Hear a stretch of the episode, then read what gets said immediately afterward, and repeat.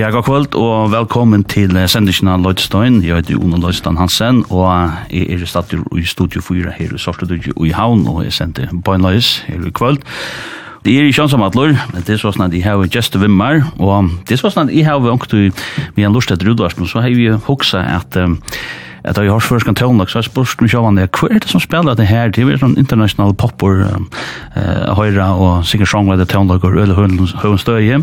Og så visste jeg gara av lykka og skruva sånn opp, og så funnet jeg av at det er nekker unger fyra som uh, kjera tøvnlag, og for jo kanskje ikke så redan kjent i middelen manna, men uh, jeg er så Finns det å komme fra bojer, så er unge sangskriverne og sangerne, og Tier er Jonas Gård, velkommen Jonas.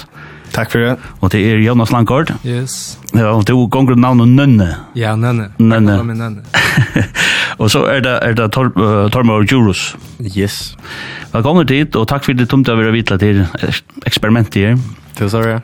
Og det gonger opp at det, vi skulle høre sin tøvnløsning, det gong til det som dit er vi givet ut, så hadde jeg døysen valgt sin gong som dit halte av folk her ute, og at jeg kjenner og lurer etter. Ja. Og um, jeg kan nok lukke hos om å begynne å vite hva er det egentlig. Jeg har norsk gård, hvis jeg begynner der, hvor, hvor er du? Ja, Eh, jeg heter Jonas Gård, og jeg er 22 år, og jeg gjør tonelike, og så arbeider jeg i en fritidsskola, og Rønne gjør sånn jeg kan tonelike som jeg kan.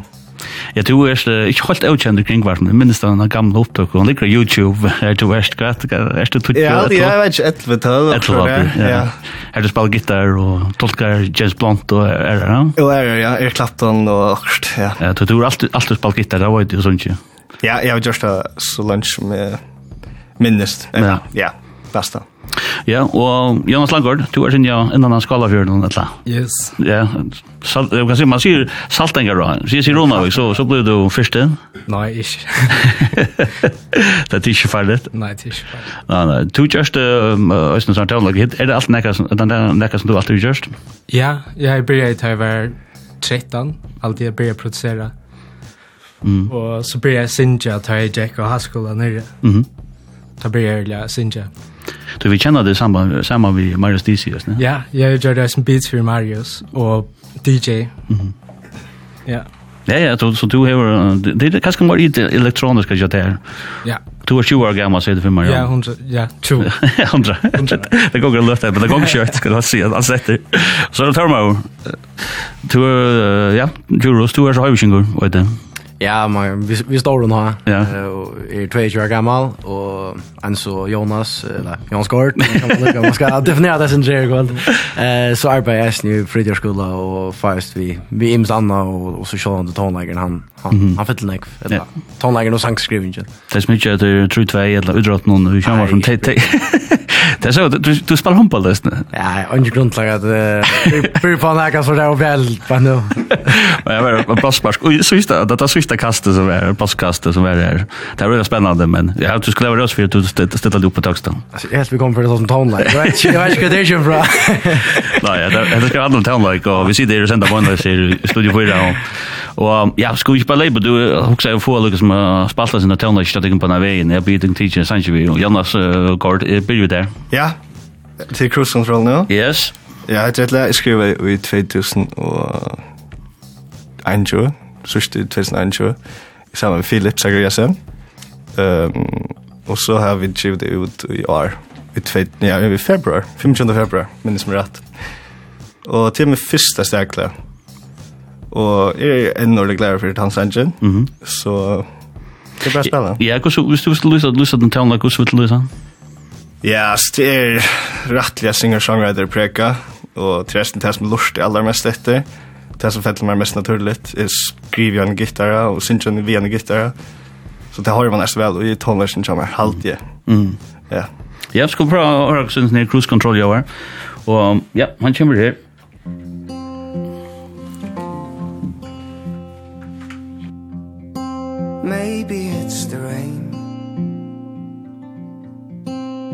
or the driving home It takes me for a walk. Straight down memory lane Us and then the road. I was naive then. I guess I should have known. that you're leaving. It ain't the same. In the front seat of my car. No, it ain't the same. And the road seems so, so far. But I'll be fine. I can drive fine on my own.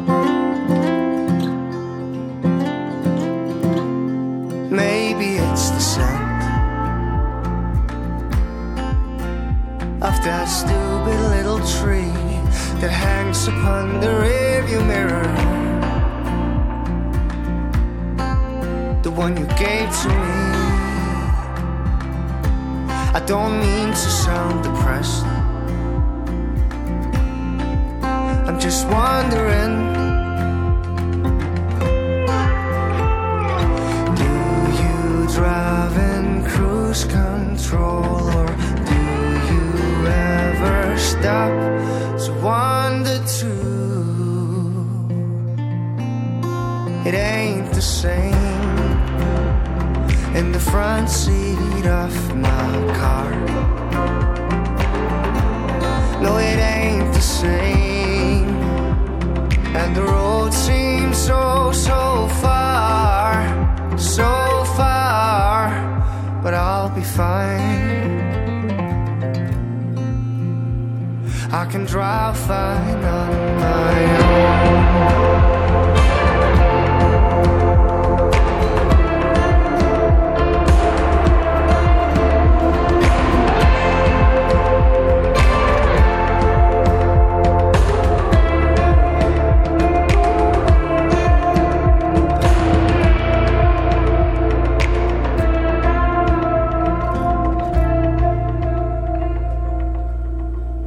us and then the road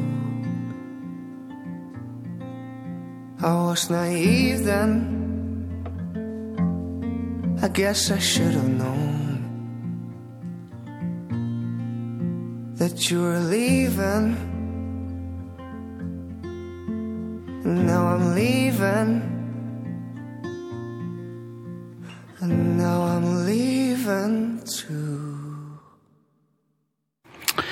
Ja, så sier han spiga hamrande fighter singer songwriter, uh, a her bant they fargen her. Tusen takk for det. Jonas Gård och nu vi mun under samverkan vi sender ikke ned, vi har jag har trutchar ungar sangare och sangskrivare som er vi forskar og cruise control kallas av sangen her, som är understandande vekker og välgjorda. Det har också på när det hörde först för. Tusen takk for det. Så um, ja, og det som vi gjør her, vi sitter her i studio 4, er og jeg sier her og uh, trykker unge sangerne og sangskriverne, og spiller til Hamlet Kjatøymon, og det neste som er, er ferdig etter Trasberg Sinde til Jonas Langgaard. Yes. Du er, du er Sinde Røret, jeg sitter mer i elektronisk til Hamlet Kjatøymon. Ja, så er det elektronisk, mist pop. Ja, jeg går så vidt om lyset deg selv. Ja, ja, til det. Mist pop. Ja, elektronisk mist pop, R&B. Ja. Her, Och och du säger för mig att att att vi börjar sen inte att att du börjar ganska sen sådant jag syns eller Ja, jag börjar sen jag och tar jag gick i musikskolan i Danmark. Mm. Mm. I 2020. Kussi kussi er du kom gong vi vi vi town sånn, Du er innan a skala ja saltanger som hon inn i rona sin något men men her, i vet det kommer ju över inne för så det är ikke nätt å spille elektronisk kan miskan her inne det er ikke. Nei. Jeg er näka spela samma vi. Nei, jeg vet inte, jag blir bara. jeg vet ikke inte lika Jeg, jeg downloadet i FL Studio till var 12. Mhm. Spelade jeg en sinde vita og så kom jeg ordentlig i gang til jeg typ i Havn. Så flyttet jeg til Havn her, där. Tyvärr Fyrstan alltid, ja. Mm -hmm. Eller også. Ja. Och så bare fra den der vi vi tälton och och vi keyboard och såna grejer. Ja, ja. Ja. Och hvordan kus kus det vi får en liksom undervisning till nästan några såna så för alla vi. Ja, YouTube. Ja. Tänk att bruka snacks skulle alltså si. Ja. Man kan lära en mästlig ting här inne men også en positiv ting. Mm. Mm. Du du er stu givna kan ut du brukar navnet nunn. Kat kat likur det. Ja, til til at ta ver lutel som er barndoms chilna. til stutt jeg se an nunn. Ja. Tangri. Ja. Super go så vant at jeg spekulerer på kan man kan motivera likur det. Nei. Men det är mer Spotify eller också. Du är ju någon som brukar det eller YouTube eller så. Den man ser också men jag man ser Spotify finner man det nog kött, va? Ja, jo, jag tar. Ja. Du Ja, du gjør nok sannsynlig. Det første som jeg husker spiller ikke, det er nere om et stop signs. Hva kan du si om den sannsynlig? Ja, altså han handlar om, eller jeg skriver igjen til at jeg var over i nøyen. Ja. ja. Til at uh, er som, hva ja. Ja, hva sier man? Jeg vet ikke hvordan jeg forklarer. Altså, jeg følte jeg kunne si alt vi igjen, men så sier han det bare vi er, at han har skilder. Så det handler om... Det er skilder, eller hva? At jeg skilder vi at tåsa sört ja. om det som jag tåsa vi om, ja. men så kom du själv att ställa på han alligevel. Den kan, den kan lort. Ja. Så kanalisera du dina sannsyn ner? Ha? Så kanalisera du dina sannsyn ner? Ja, ja, akkurat. Og um, jeg skulle bare høre hvordan tøndager, og yes. bare det er dark pop. Ja, dark pop, R&B. yes. Jeg kommer nødvendigvis stopp science.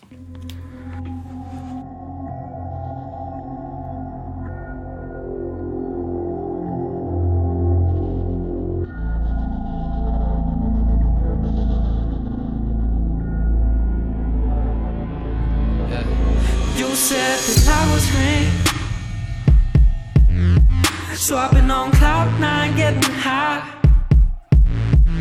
Only saw red traffic lights and stop signs. You said that I was green. Yeah. You said that I was green. So I've been on cloud nine, getting high. Only saw red traffic lights and stop signs. You said that I was green. Yeah. Like what did you mean? Like what did you mean?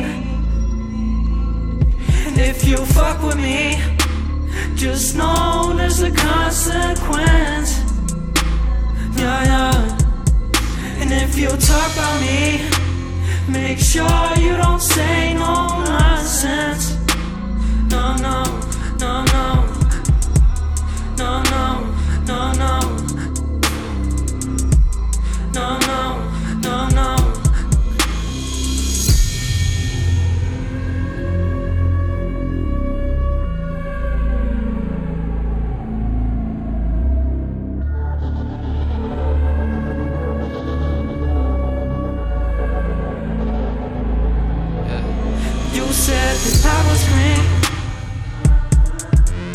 Swapping on cloud nine, getting high again. stop signs You said that I was green You said that I was green So I've been on cloud nine getting high again. Only saw red traffic lights and stop signs. You said that I was green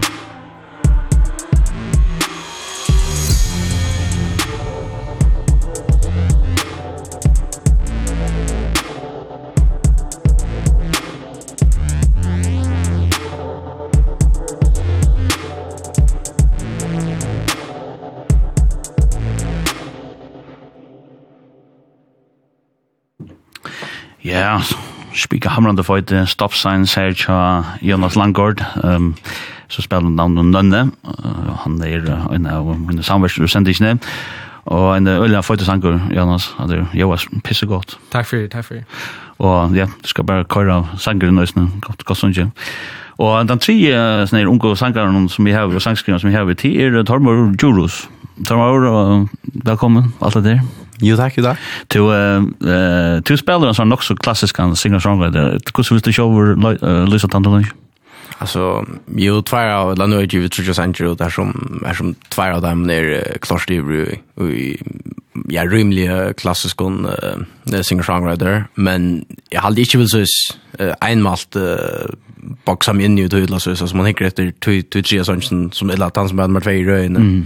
uh, Afrodite og Medusa. Mm. Uh, så er det eisen i rocknør, om det vet ikke man skal kalla det punk-pop eller, eller ut veien, så, så om, alltså jag heter nok, og jeg kom en ny mot singer-songwriter, men, men absolut inte så att att det bara är väl lite eller så. Ja. Hvordan vi tar nog inte till det er noe som tog så det finnes vi i lunchen. Eh alltså det som är man kan säga allt det jag skriva texter så gott som så långt efter som minnes ishingar och och så flottas ju i ta i onkra värsle var så så platt jag skriva en rapsang till det och man kan säga ta i man är ofta när gammal vi plus sex i styrke en var som tek opp var i nye som brillen og, uh, og jeg synes skrev han uh, munne så slapp man stev nok snekvann så, så ta bostad nok kjølsa litt i at uh, ta det var familjevarsler så det är i här her. Mm. så måste jeg det vekk nok slange og så har vi så funnet fram at det nå der men blev nega eldre. Eh uh, jeg skriver tekster og nå er det ganske eisen kom vi som mer til at letja lø uh, at så man kan se temaen tonlägga upprona mm. eller om man listar lite upprona om man ska se så. Ja. Och går så i handen till väl kanske sen du rykar til andre löven kanske innan den skala for en ryk. nei, det ska man ske men alltså her er nog snäcka spela spela samma vi allt går så det du. Eh ja, alltså, jag har inte kvar om man hickar efter alltså uppe där har vi inte haft sån vi vi tonlägga om kvar vi att just eh nu tar jag för igång vi vi vet inte vad man ska kalla det tar man karriären eller eller kan eller hur man skorar så eh så bjärka där med Öljan Ek att men men går med Jan Skård från Sidder kväll tar vart faktiskt att vi sätter några kväll och og vi dödte ta jeg kom med det vi vi tar ikke så hårt og nu skulle det liksom vara det alla för gånger prosjekt, og så står han faktiskt för det instrumentala. I spelar inte instrument själv eh og Så du spelar inte gitarr alltså? Nej, jag spelar inte instrument. Eh, Jerry Lewin, eller tar Jerry Lewin och så där vi vokalen och själva. Så som Michael Jackson, va? På det här jag gör för. Sådan. Och just till jag kommer vi. Låt sätta barna högt. Men eh, vi ska höra en sång där. Ehm och ja, det är sån snär har haft nog snäcka spelningar och Spotify snär. Det är snär som att we both know. Var det han som har gitt nok snakker, at han var til han andre? Nei, jo, det er, la tikk for han som blir spalt der, ja. nekk mest. Og var det 40.000 fyrir også? Det er at det ligger her om aldri. ja. Hvor spør det hadde lest, nok som nekk var så fyrir, kjalt for føringer, altså? Altså, jeg hadde akkurat ha, han kom ut, det kom som, som et nok større sjokk fyrir flere, det gav tonen för det bästa och det var en neck alltså är inte helt det rätt låg profil om det? Alltså det helt är stolt att det kom ut på tamatan att Lucas som så så var det bara här är inte är reklamerar till näga eh vi i halv med landa vem fall om man ska ta akra akra början att fick var öliga stoland vi att vi att dela och provera Sanchez så jag hade jag ta tag nog stort att till att han kom ut till något snäckfolk særlig mån til at det var da med første stäckla Uh, og så halte jeg bare, han, var, som, han ble som helt nok så var mot ikke, og jeg halte falt damt igjen. Og, ja. Jeg tog mån til Jonas Gård, så, som, som alltid har spalt uh, gitar og sånt, falt fra Janne Smadrong, altså man sier det, så, så kom du og sendte du out of the blue, som man sier. Ja, ja jeg halte kjørla nekar, jeg, la, från onkel visste visste ju att dörren men men mm. men som helt så var det inte nästan vad att var akkurat där från mig. Eh jag hade tant chock effekt hon man ska gamla gamla öl och gå början och på det hela. Kan du se om Sanji gick det med sangor. Eh ja, det är såna time och time som vi tar som som är i singer songwriter shankna. Ehm det är sanger om Max 2 här som löper något kors men bäge Lucas är benchen för att eh ja, vi så elefanten i rummet eller tacka ta tacka ta skrittet och träcka stitchet till att bäger bencher för att uh, man ska se det från annan. Eh och ja. Ja, ska vi å Andersson ja? Yes. Vi kör en Tormo Jules. We we both know.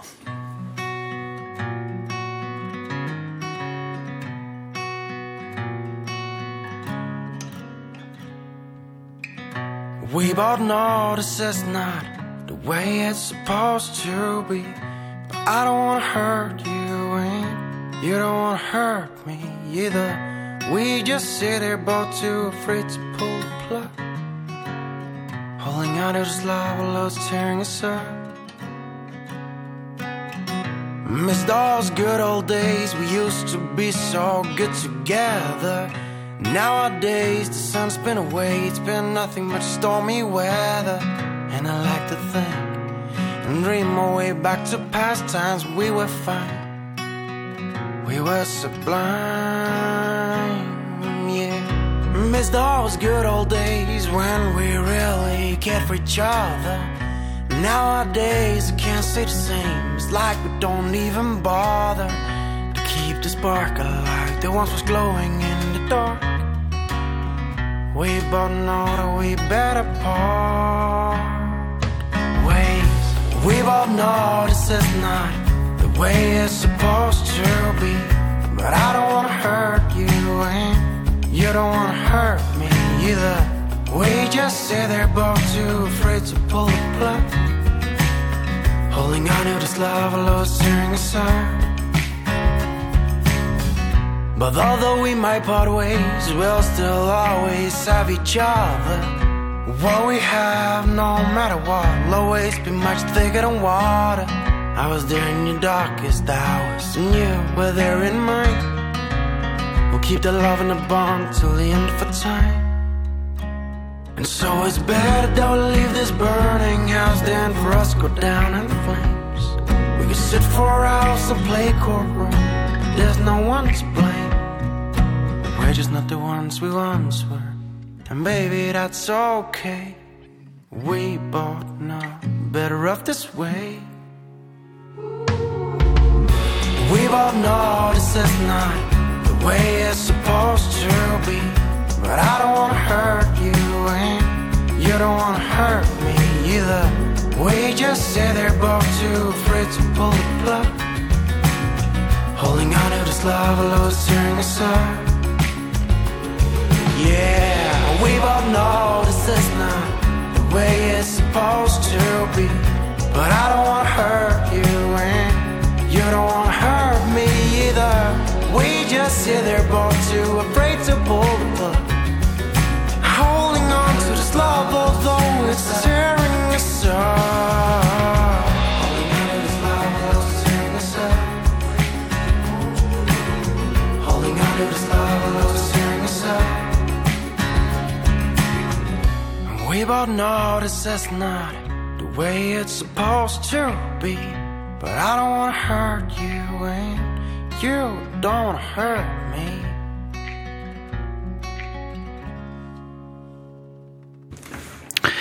We both know in Doyne sanger her tja Tormo Jurus en sanger som um, han er givet ut en singla uh, og en sanger som er klar så vel av Spotify I vi ser.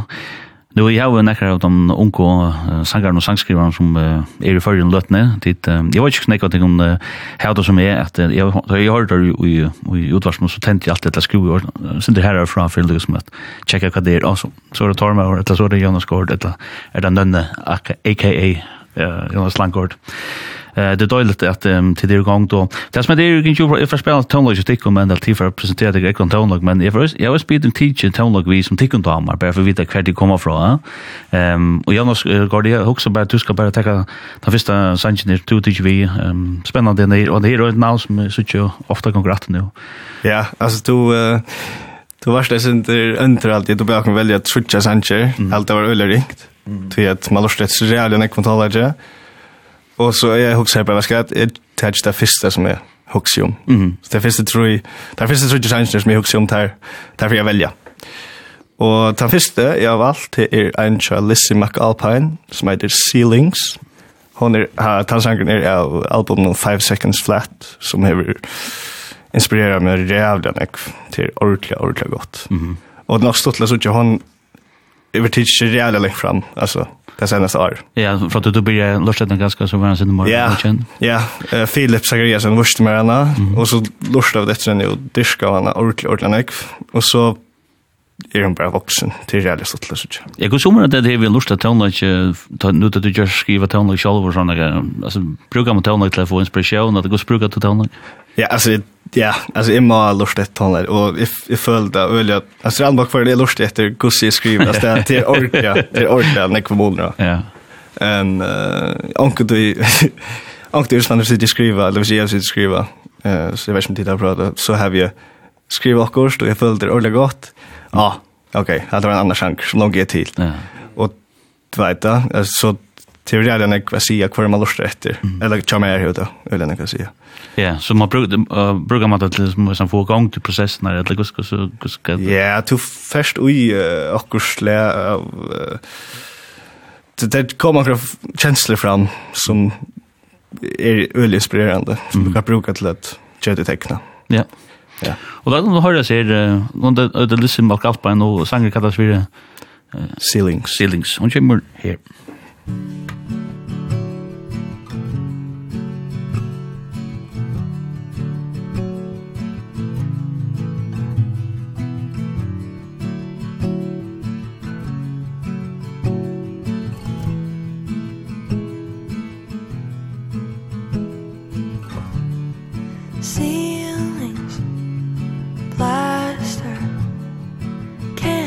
just make it move faster. Lovely to be sitting here with you. You're kind of cute but it's raining harder. My shoes are now full of water. Lovely to be rained on. It's kind of cute but it's so short Then you're driving me home and I don't want to leave but I have to go. You kiss me in your car and it feels like the start of a movie I've seen before. Before.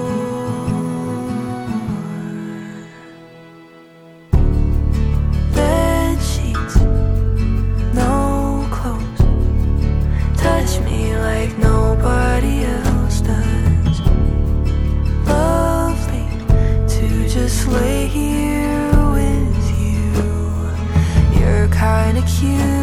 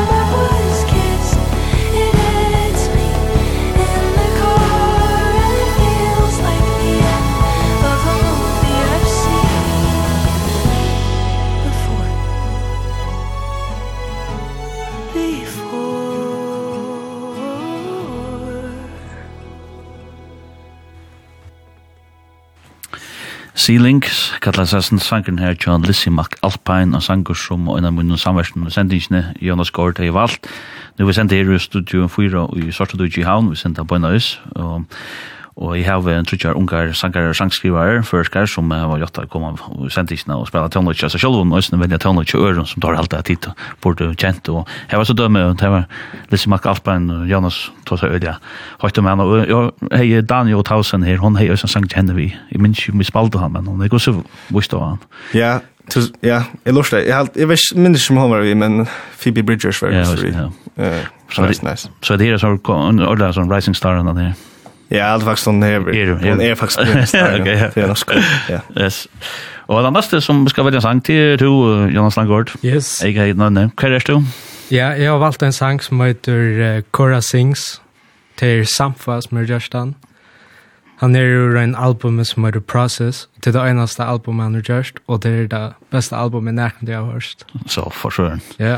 Og jeg, jeg kan altså si at uh, det er øyla, øyla fælt. Uh, hvordan vi tar ut tøvnløy, så bruker den ikke tøvnløy, lorset den ikke, altså, et tøvnløy, kjører du? Ja, jeg lorset den ikke. Ja.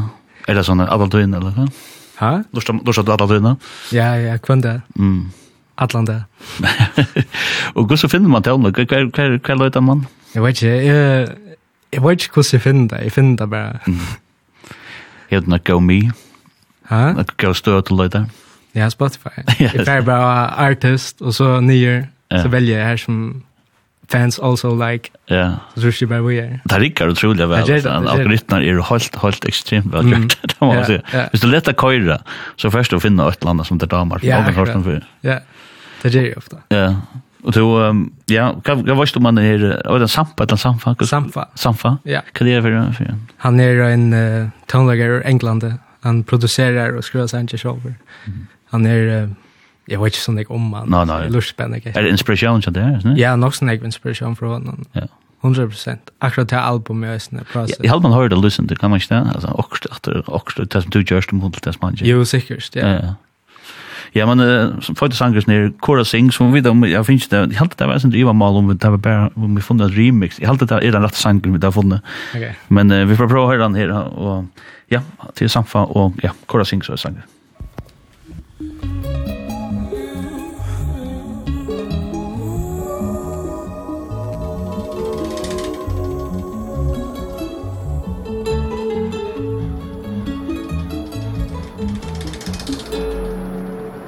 There's no one here for us. It's just me in the burning sun. It's just me, myself and my gun Remembering the times. Oh, grapes on the vines. But with family I I don't have the time The time to be questioning. Why?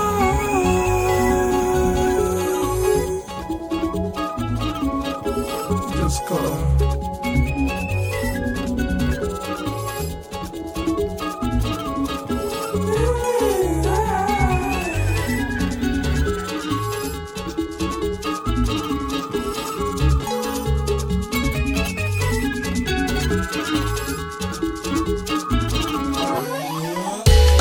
mother needs a son, so she needs daddy.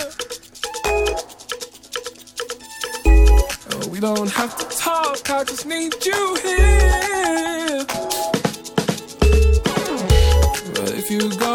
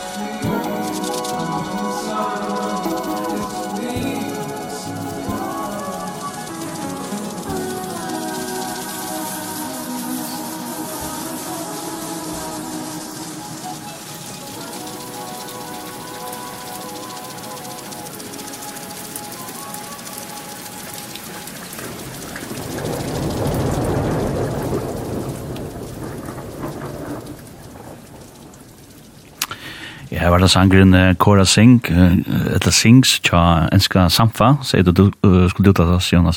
Samfa. Samfa. Yes. Og jeg kunne se at platan sangren, var, ja? Process. Process. Og det var en sanger som ja, Jonas Langgaard, som du hørte her, spiller tøvnlig under navnet og nønne, hei valgt. Nu um, Jonas og Tormaur og Jonas.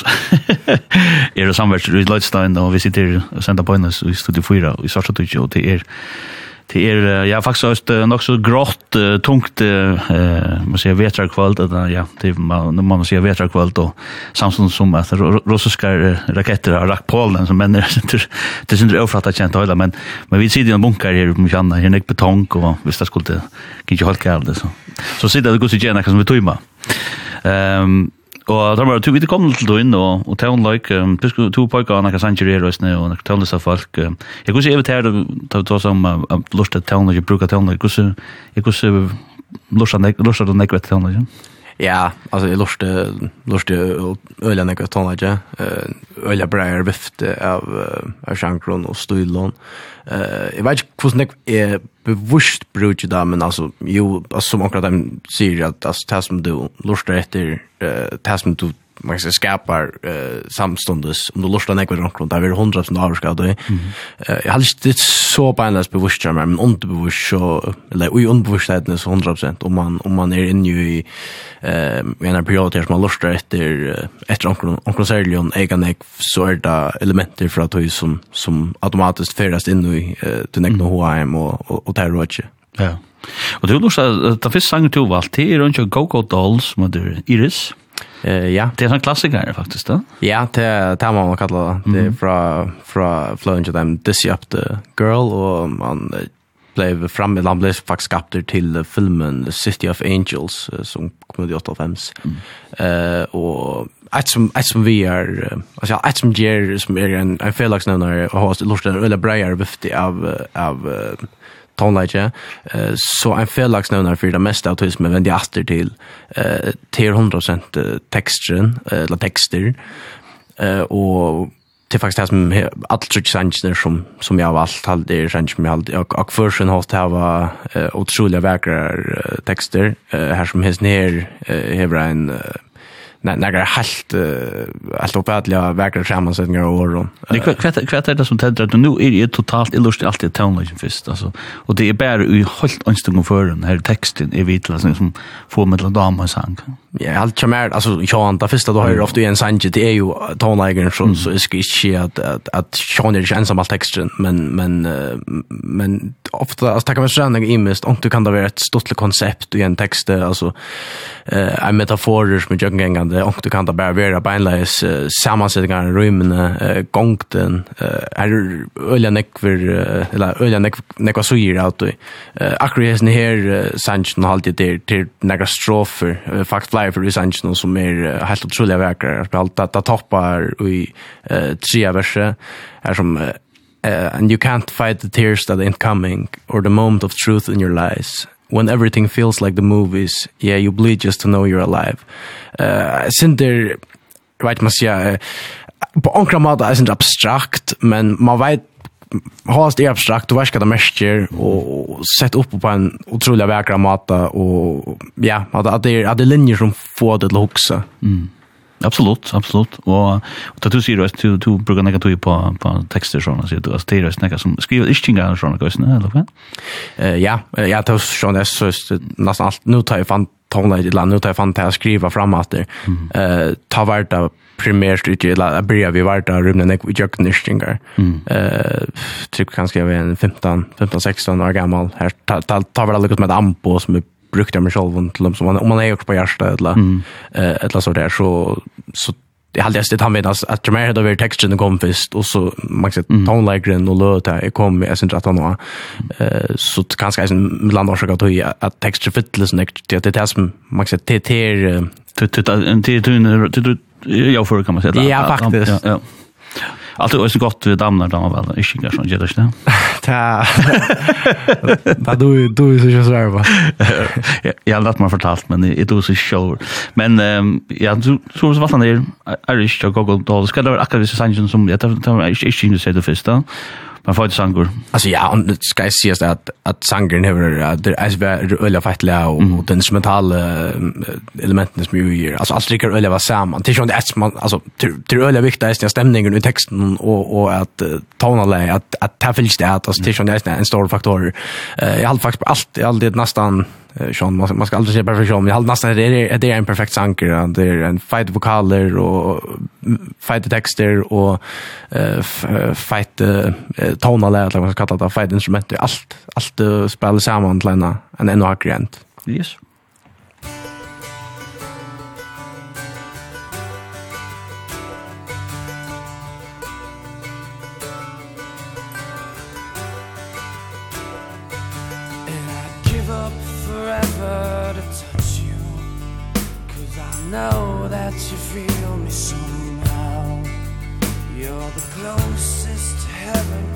I'll ever be And I don't wanna go home right now.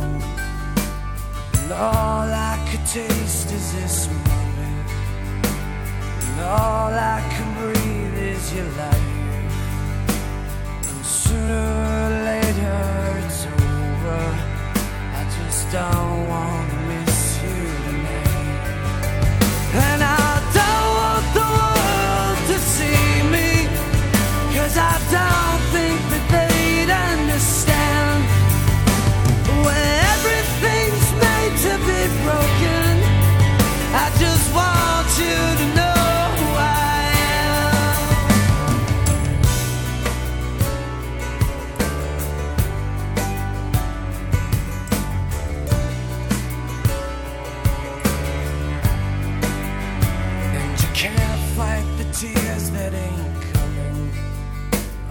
moment of truth in your lies. When everything feels like the movies. Yeah, you bleed just to know.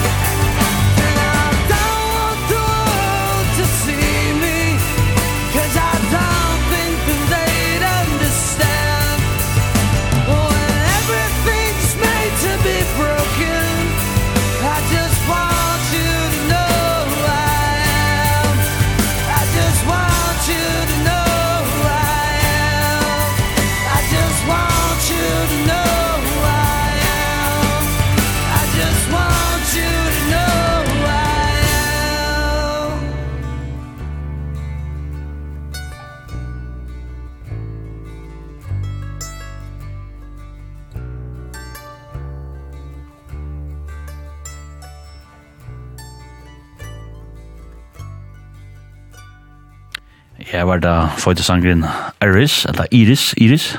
Jeg vet ikke hva, Iris? Iris må det bli. Iris. Iris. Iris, tja, Go Go Dolls. Og sanger som øyne av Trima Samversen her i sendingene i kvöld, Tormor Jurus hei valgt. Nu, Tormor og Jonas Langgaard og Jonas Gård er her i studio 4 og i Sorstadudje, Tor er at sanger og sangskrivarer som kanskje ikke er så kjent i middelen folk, men jeg har bare lagt mest til det, det er spalt i utvarslen, og det er fantastiske gøyene og spennende. Rettelig alt kjøver til tøvnlag. Er det nekka som har bevist for etter, Janus, at du, da man hører det, så, så, så er det til internasjonale, ja, det, det må man si, ja. Om det er bevisst for etter? Ja, altså, jeg lurte bare etter, eller, spærre. Men jeg hadde lurte det, jeg er internasjonale taler, så det jag är at få få at...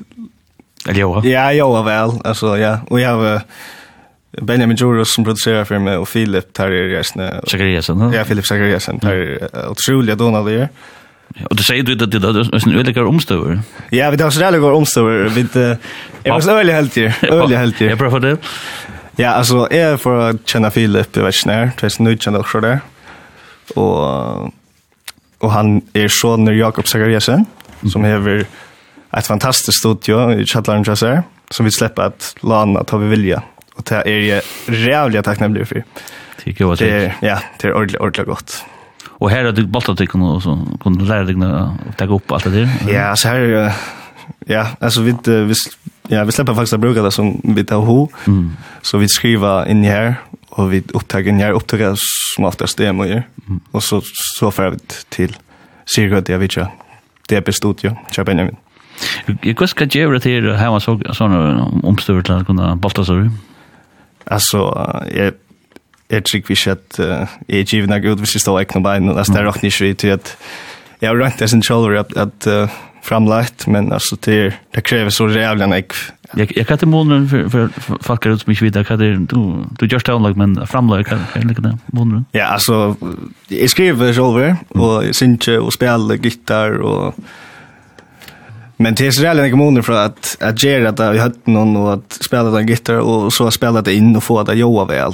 Eh, det är ett extremt störst arbete. Du ska ha rena vitan som inte är överskrivet och tar det bara ordentligt deilt att ha gå folk att hjälpa mig. Ja, men till till avgärande som förrän som det är.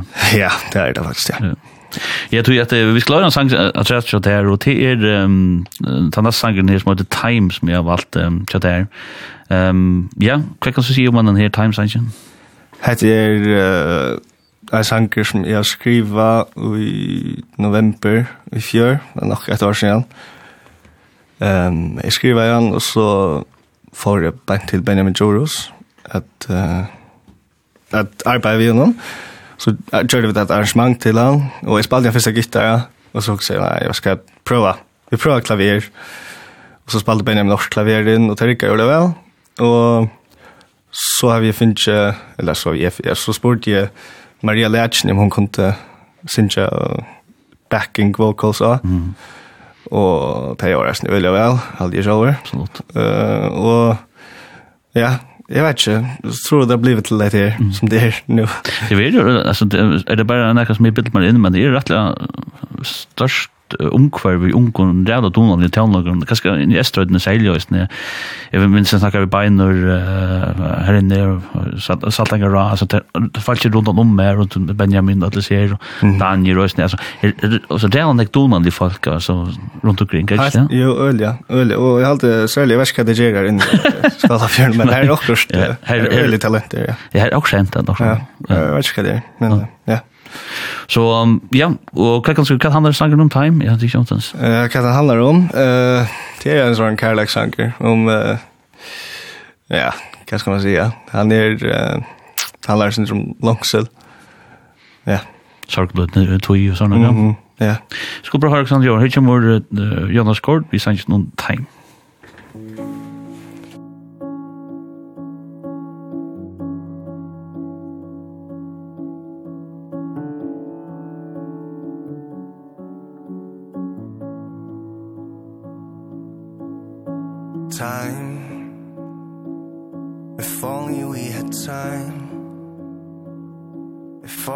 just an hour more to waste before I go. Eyes I see it in your eyes. A million shades of blue won't stop A plane from taking off. We're laughing for the last time, honey. We're laughing for the last time. Bye. I guess that was goodbye. I guess that was the last time I got to see those lovely eyes. We're laughing for the last time, honey. We're laughing for the last time. easier to move than to move on to something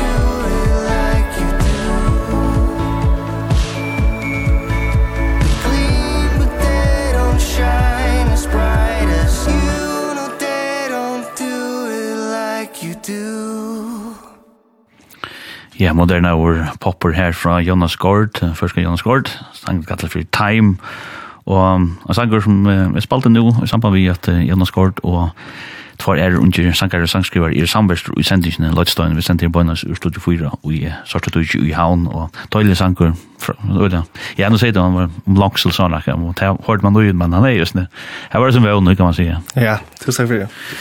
Og um, Jonas Langård, ja to er det nønne, spiller du og nå? Nønne. Nønne. Ja. Jeg sier det rett, da? Ja, jo, jo. Ja. jo. Så, uh, vi snakket sin rom, uh, Janne Arnesen, uh, vi spalte han sangen Time, um, Tja Jonas Gård. Her er rett og slett ikke Donald Tøvnok innan uh, her skala fjøren. Du erst selv her innenfra. Man kan ikke innenfor test du gjør, eller? Nei, nei. Men uh, særlig innenfor, kan man si, pop og sånne, beiner her innenfra. Ja, beiner. Så rundt om han er folk fra, særlig gøt og fogla fyr og sånne. Her er nok så spennende. Ja, ja. Vad vad du alltså hur du was förnämns jag att att det blir lite sån kan tell någon kvar här i Lena. Det var inte Det kommer det mer, Ha? Det kommer vara bättre. Det vet jag inte. Alltså det är näck gott. Ja. Beine. Ja. Men eh alltså jag har ju näck vi tonlöchen och ju ska av ju Nigeria. Ja. Och då säger jag att du bor, bor för oss och slutar där inne. Ja. Men det står så också om att vi, du nämnde det här, du är inte körde min om, namn, det är tillnaka min om, Jan Skård, och, Du nevnte, du säger ju så jag är snart tekniska över huskot att du är omoxad det? Ja, omoxad där. Alltså i Danmark. Ja. MKK. Alltså släppa vi över till. Ja. Så kanske söka konservator. Ja. Ja, alltså är det är det, är det alltså hvis man som tonlager som hvis man hever till uppbyggning alltså en konservatorieuppbyggning alltså Jag kan ge ut här än bara att vi står och klarar det som de lagar så kan jag ge det. Men man ska bara säga den här plan B, så vi kan ska kunna vara lärare eller också som producer och ha skola eller onkel musikskola, ett skola också. Så man bara har en 100% chans till att klara mig via det också med tur med. Mm. Det tror jag gärna vill.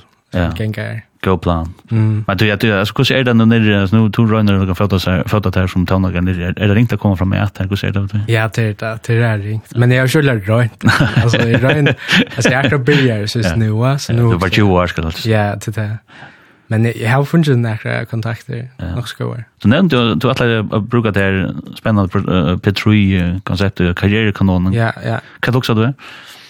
Jag vet inte, jag också bara kom in där, pröva. Ja. pröva. Hur så gång till fyra, vet du? Jag var faktiskt i kört. Nej, men sen sanger inte, jag, jag bara... Jag har allt, jag var i kört, Ja.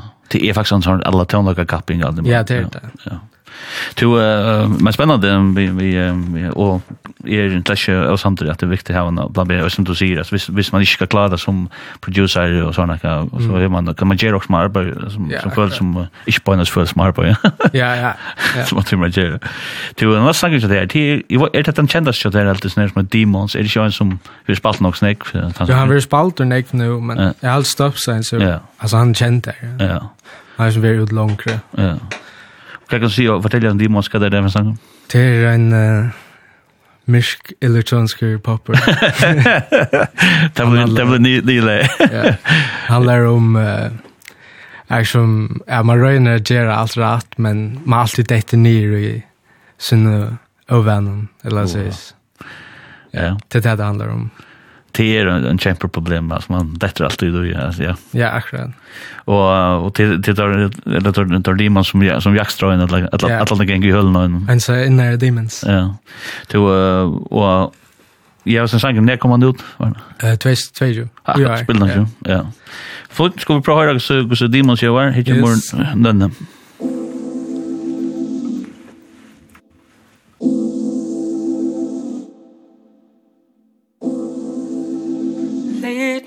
me to it. My final destination.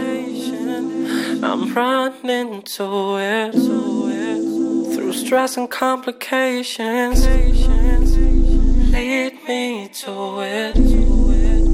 My final destination. I'm running to it. Through stress and complications. I'm following my demons. Me back again. I'm following my demons.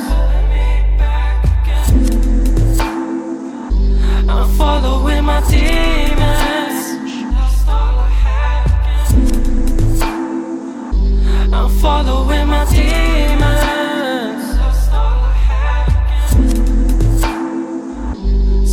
somebody come and save me now. Then I'm wishing me well. Stuck in between somehow. Heaven and hell. Why is it so hard to get out? I'm going insane. Bloodstream so cold. Frozen. Poison.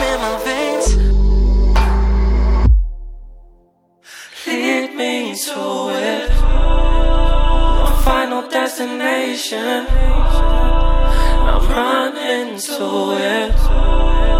Through stress and complications. Lead me to it. My final destination. I'm running to it. Through stress and complications. I'm following my demons.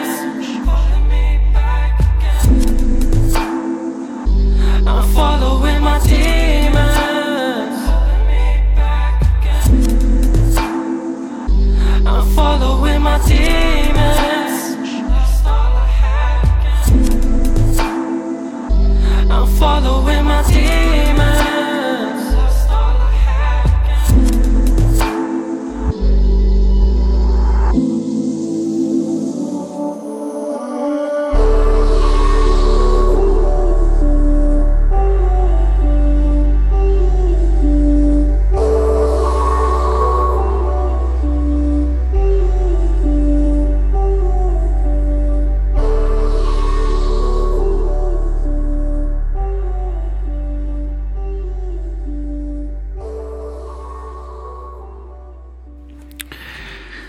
spika hamrande føyte.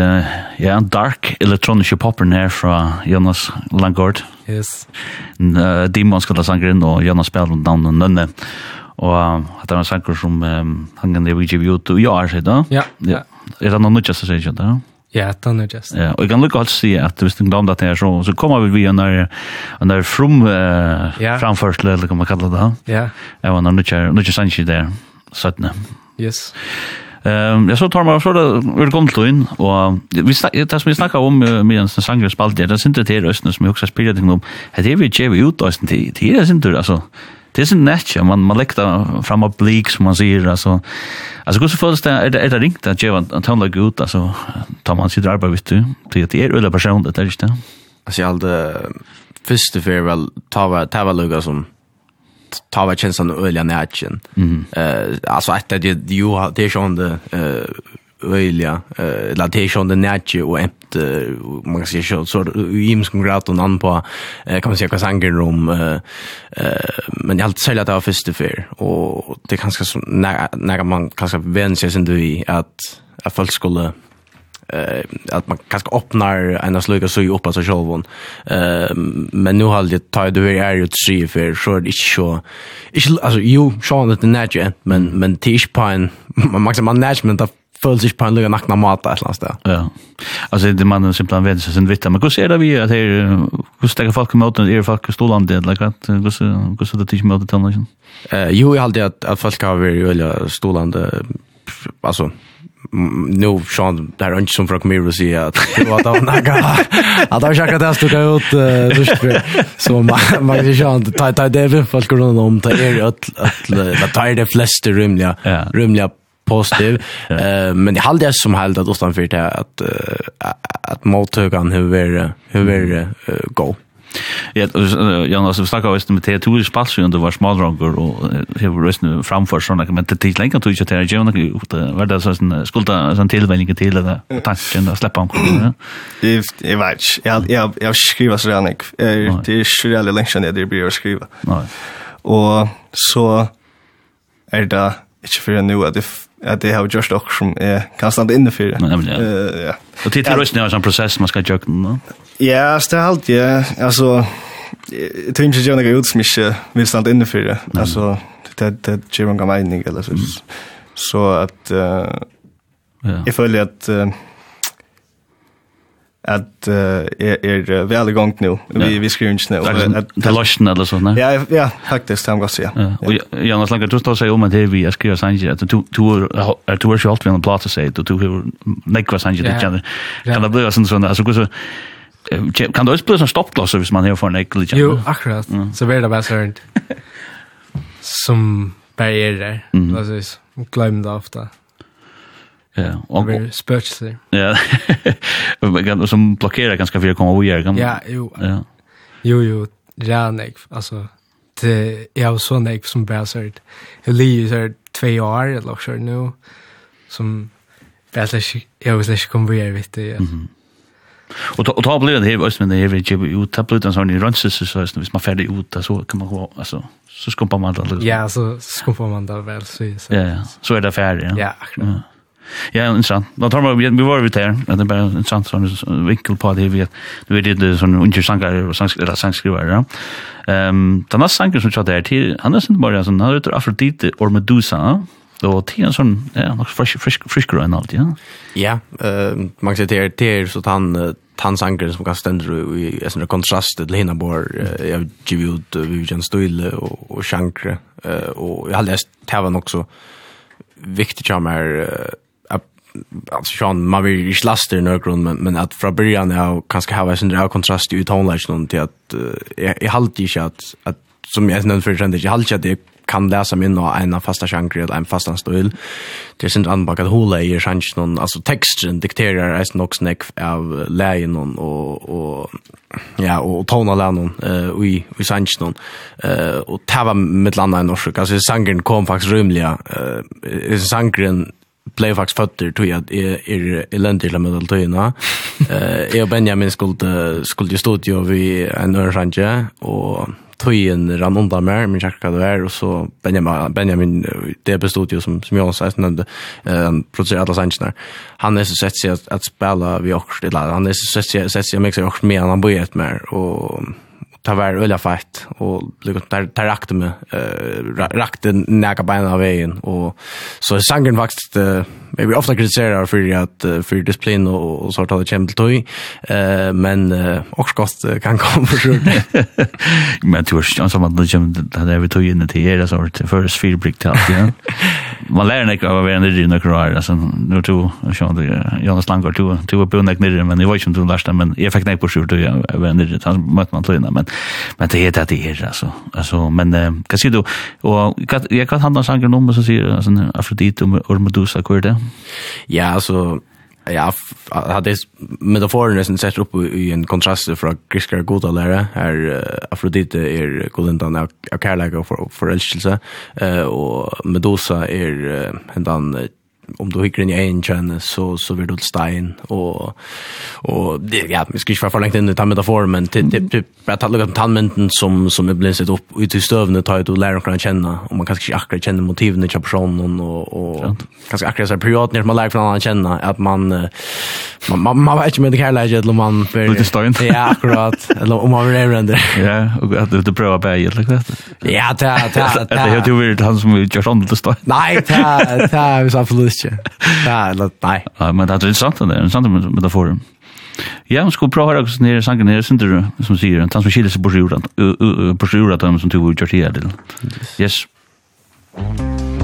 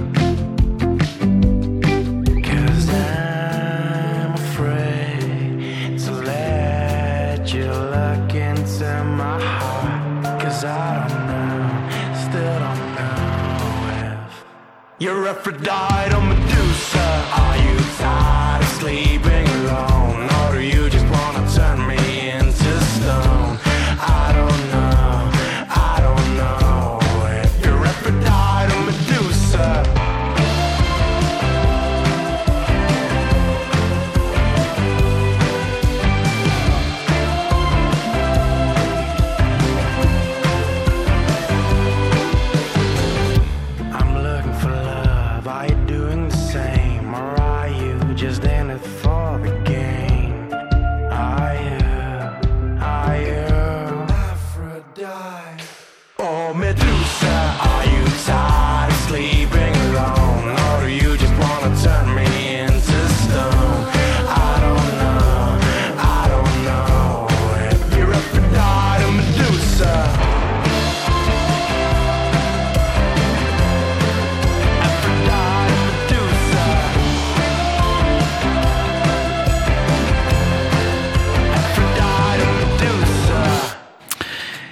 var over her, vi sang ikke noen Afrodite og Medusa. Han døylig sanger, sånn er lovlig, at det klæder oss vel, at det er kåret sin dra. Tusen takk. Yes, at det var spike hamlande folk, som man sier. og vi sitter der, studie 4, uh, Tormor Djuros, Jonas Langgaard og Jonas Gård, og spiller tonelage av Tom Trimon, tar dere sangskrivare og sangare og djeva. Jeg vil si at sånn sånne moderne, igjen, alt kjøver pop ut, eller singer-songwriter tonelage, kan man kalla det. Og um, Tid var ikke det ikke øren vi som det hadde folk her ute på det hårst och jag hade det var allt näka spännande gå Sanji Og, um, jag så en stan han Sanji ner. Vart det tärs ner som heter greenhouse. Ja, det er uh, en sanger till The Brothers Landreth som er en kanadisk halt ja, ja kanadisk folk bølger. Vi det två batchar, Joey Landreth og David Landreth. Landreth. Uh, der er, uh, er mer damer der rævlig, va Og akkurat hese sangren, han, han reagerer med esne, øyla, Mm. Öliga väl. Man måste si en öliga sån moderna og, uh, alltså et moderna høyt i greenhouse som snackar om uh, ja där pojkar så til omkvarv och korsa sunda. Ja, kanske. Jag har inte själva teksten för det her, men uh, det er sånn Carlex. Mm. Sanker. Och och men också spelning gengar den lägger till konserter och sånn, tja tja sen här bakom som det damer så brukar den lägga det. Jeg røyne, jeg har vært kort siden til konsert til Passenger i Veka i Danmark, så har vi omkring vinterkon som er. Det var jævlig fett. Og... Veka er et godt konsert. Jo, eller først for å var der. Det var ordentlig, ordentlig. Det er mega nice. Mer damt der jævlig, ja. Og så, jeg vet ikke, det var nok sånn korona og sånt. Ja, sånn, det er rakt. Det er rakt ikke nok som vant, ikke. Ja, faktisk. Vi tatt gjerne billett til, nekker billett til The Weeknd, Danmark som vi ikke slapp til. Det var sin rått. Ja. Men jag är inne. Tack han med Jag hörde när Roskilde och när han jag var sen skeptisk om han är jeg vet ikke, jeg jag tänkte blue för hype og jag mer så blev jag sen sån där eh på nu är det samma och skulle ska allt nu är så gott eller den att nas ner och och det så gott men så det hörde Bay Bonnevier men också the weekend live så var det jag blev blåst om gott. Helt helt helt fantastiskt. Mm. Alltså ja, och det ja. Och det popkonstnär alltså totalt. Men um, jeg kan si det nere sangen i Greenhouse. Um, skal du bare vite hva han gjør, og hva så det du sier det øyne bakgrunnen? Uh, the Brothers Landreth. Yes.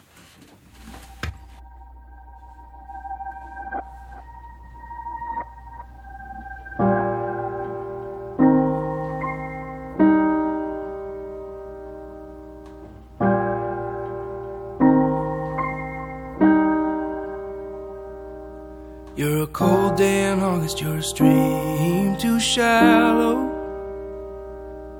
You're a heart-shaped box with no letter inside.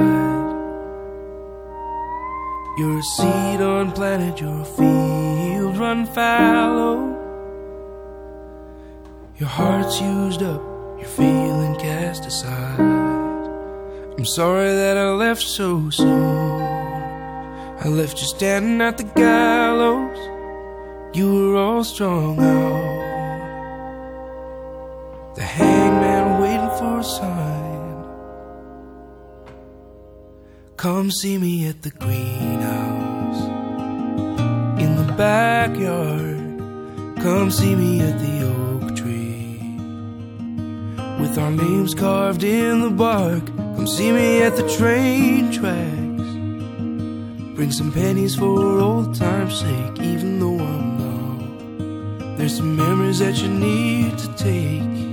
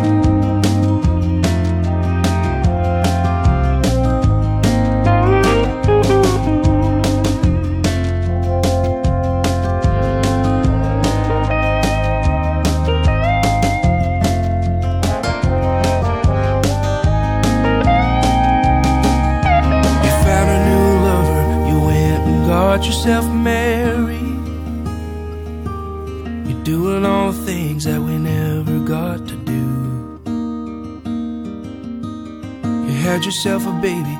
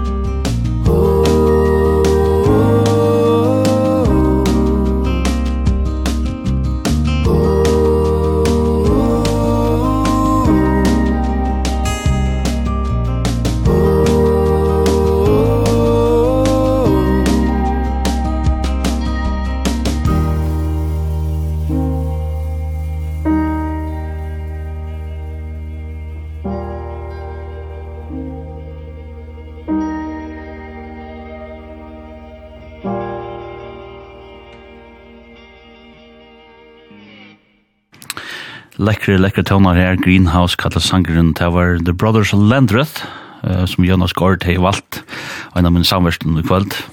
Og at det var døylig, det er for jeg tjekka mer ut av det det dømte meg vel, men la meg vel så folk i sånn, uh, som, som er der. Og han passer vel til alltid, uh, sånn, kveld som kveld, vekk det sin tur, bob, bob. Det ble omgang det gjøste det alltid, alt faktisk, det var bare mist alltid. Um, ja, og som sagt så har vi, tror jag ungar, spännande forskare, sanger, skrivare och sanger här i studion Vimmar, her i Sørstudie, Studio fyra. Och en till Jonas Langgaard, Nønne. Yes. Du vet inte en rattelig hippan och höjtan sang. vet Ja, han passar ju så väl till hva. Fantastiskt. Nej, vi ska løsne här vad synes jeg, hva Ja. För det er faktisk det du har vi. Ja, til uh, en som heter Steve Lacey. Han er... Uh, Det er kjentur som uh, gitarspiller i en alternativ R&B-bølse som heter The Internet. All right. Jeg har alltid Frank Ocean, Tyler the Creator og Søren Vervi er tannbølsen. Det er superbalk hvis det er nekkan det er. Ja, ja. Ja. Og ja, mega god sanger, han heter Bad Habit. Og en så kjempe hit der, ikke? Jo, mega. Jeg har alltid kjent av sanger, John. Ja. Um, jeg har nødgjeste album, John. Skiv ut ui år, alltid. Mhm. Mm Og jeg skulle også si at jeg spalte en baltje og nørsta, som jeg bare hadde høpet. Men den har jeg sånn gjør, jeg år, fått sang velvalgt. Yes. wanted me I wish I knew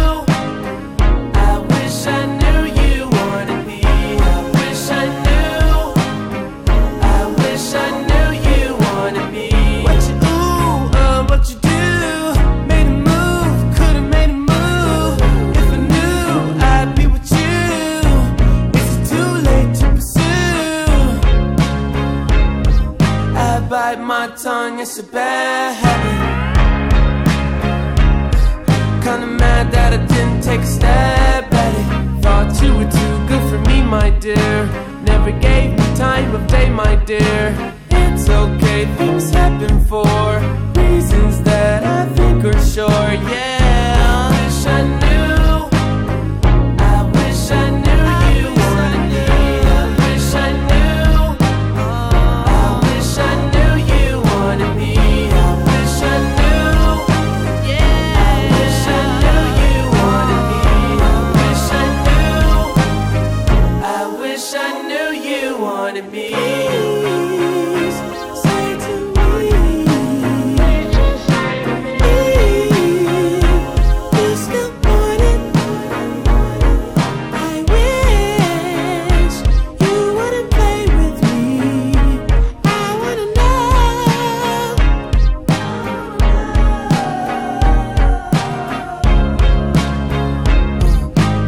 bite your tongue like my bad habit.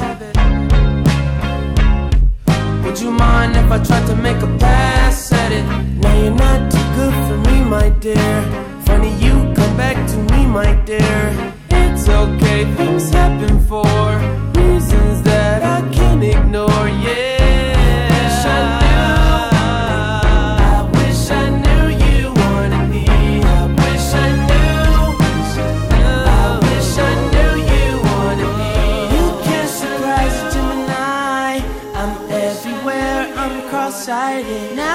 sit back I can decide. If I decide if you're invited You always knew the way to wow me. Go round, get tongue-tied. I turn it on, I make it rowdy Then carry on, but I'm not hiding. You grabbing me hard Cause you know what you found Is biscuits, is gravy bag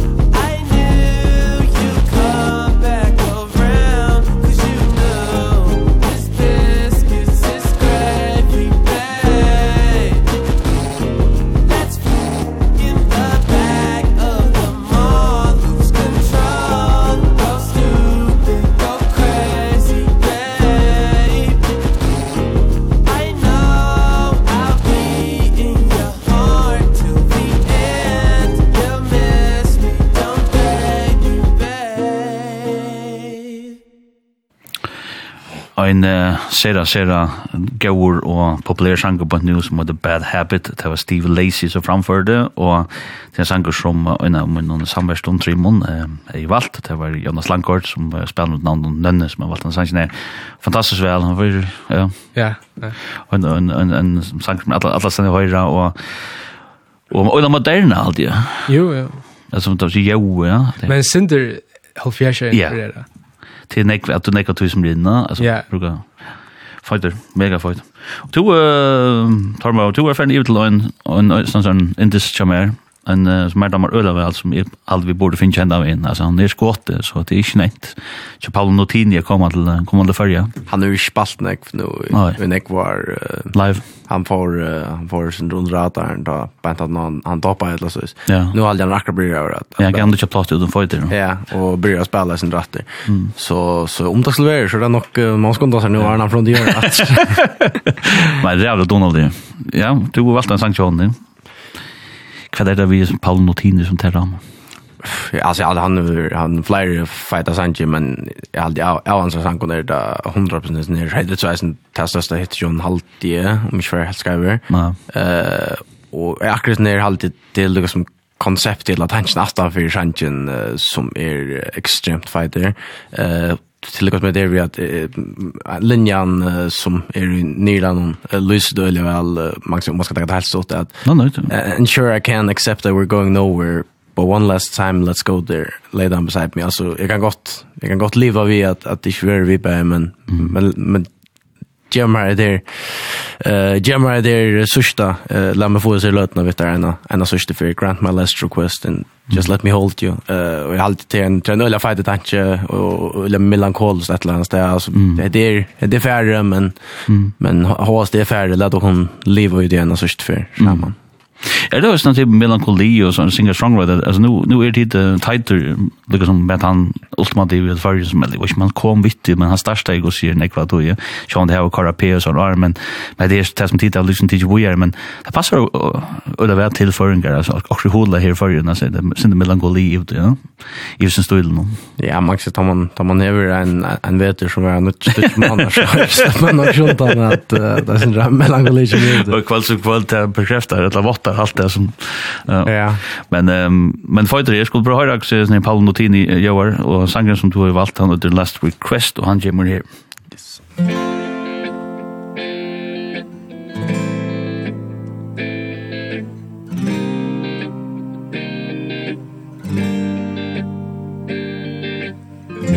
Slow down Lie down remember it's just you and me. Don't sell out Bow out Remember how this used to be. I just want you closer. Is that alright? Baby, let's get closer To Grant my last request and just let me hold you. Don't shrug your shoulders. Lay down beside me. Sure I can accept that we are going nowhere. But one last time let's go there. Lay down beside me.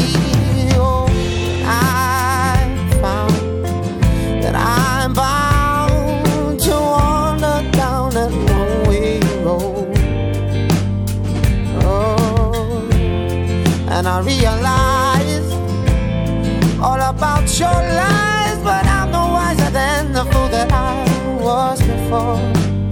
I just want you closer. Is that alright? Baby, let's get closer. Tonight Grant my last request and just let me hold you. Don't shrug your shoulders lay down beside me And sure I can accept that we're going nowhere. But one last time, let's go there.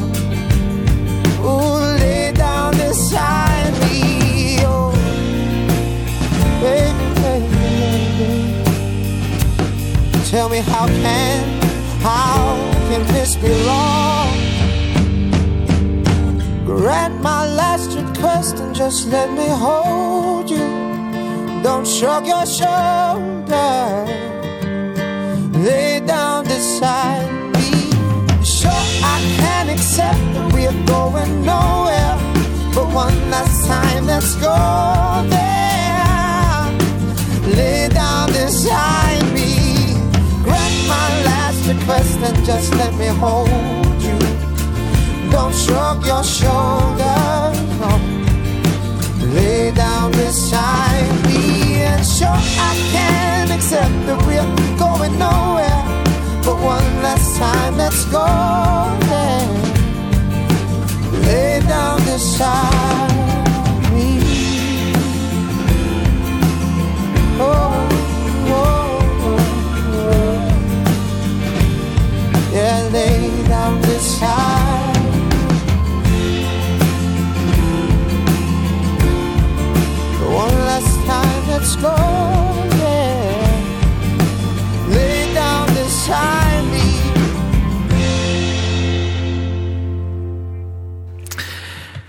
Last Request kallas det som døylig sanger til Paolo Notini, ja, skotska sanger og sangskrivaren, det var en sanger som uh, Tormor Juro sier valgt, og en av noen tre måneder samversten i sendingsene og en døylig sanger og en av noen absolutt indis singer-songwriter, så jeg fyrir nær, og han er, uh, nå kommer lukka vakten fra, fra Ansne, så han skal lukka stempel inn her, så han verir.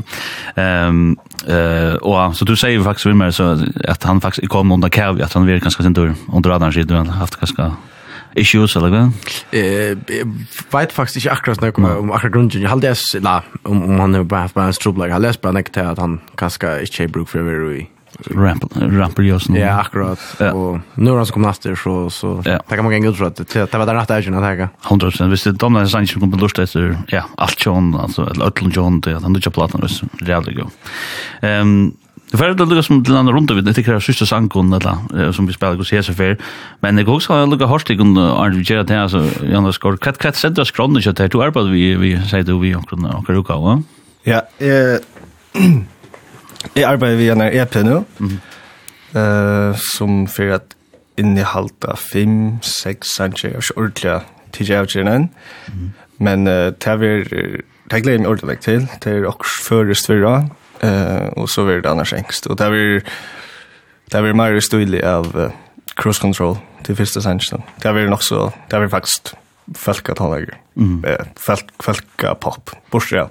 Jag går se till vi först engst alltså det är en service först kunna. Hur ser det ut? Ja, så jeg prøver jeg skriva min første første sang, eller jeg prøver ikke selv, jeg var sammen med Philip Zagreisen etter, mm -hmm. no, no. og en er et dame som heter Sigrid F. Hansen, utrolig donade. Eh så vi sett jag kunne skriva förslä samman.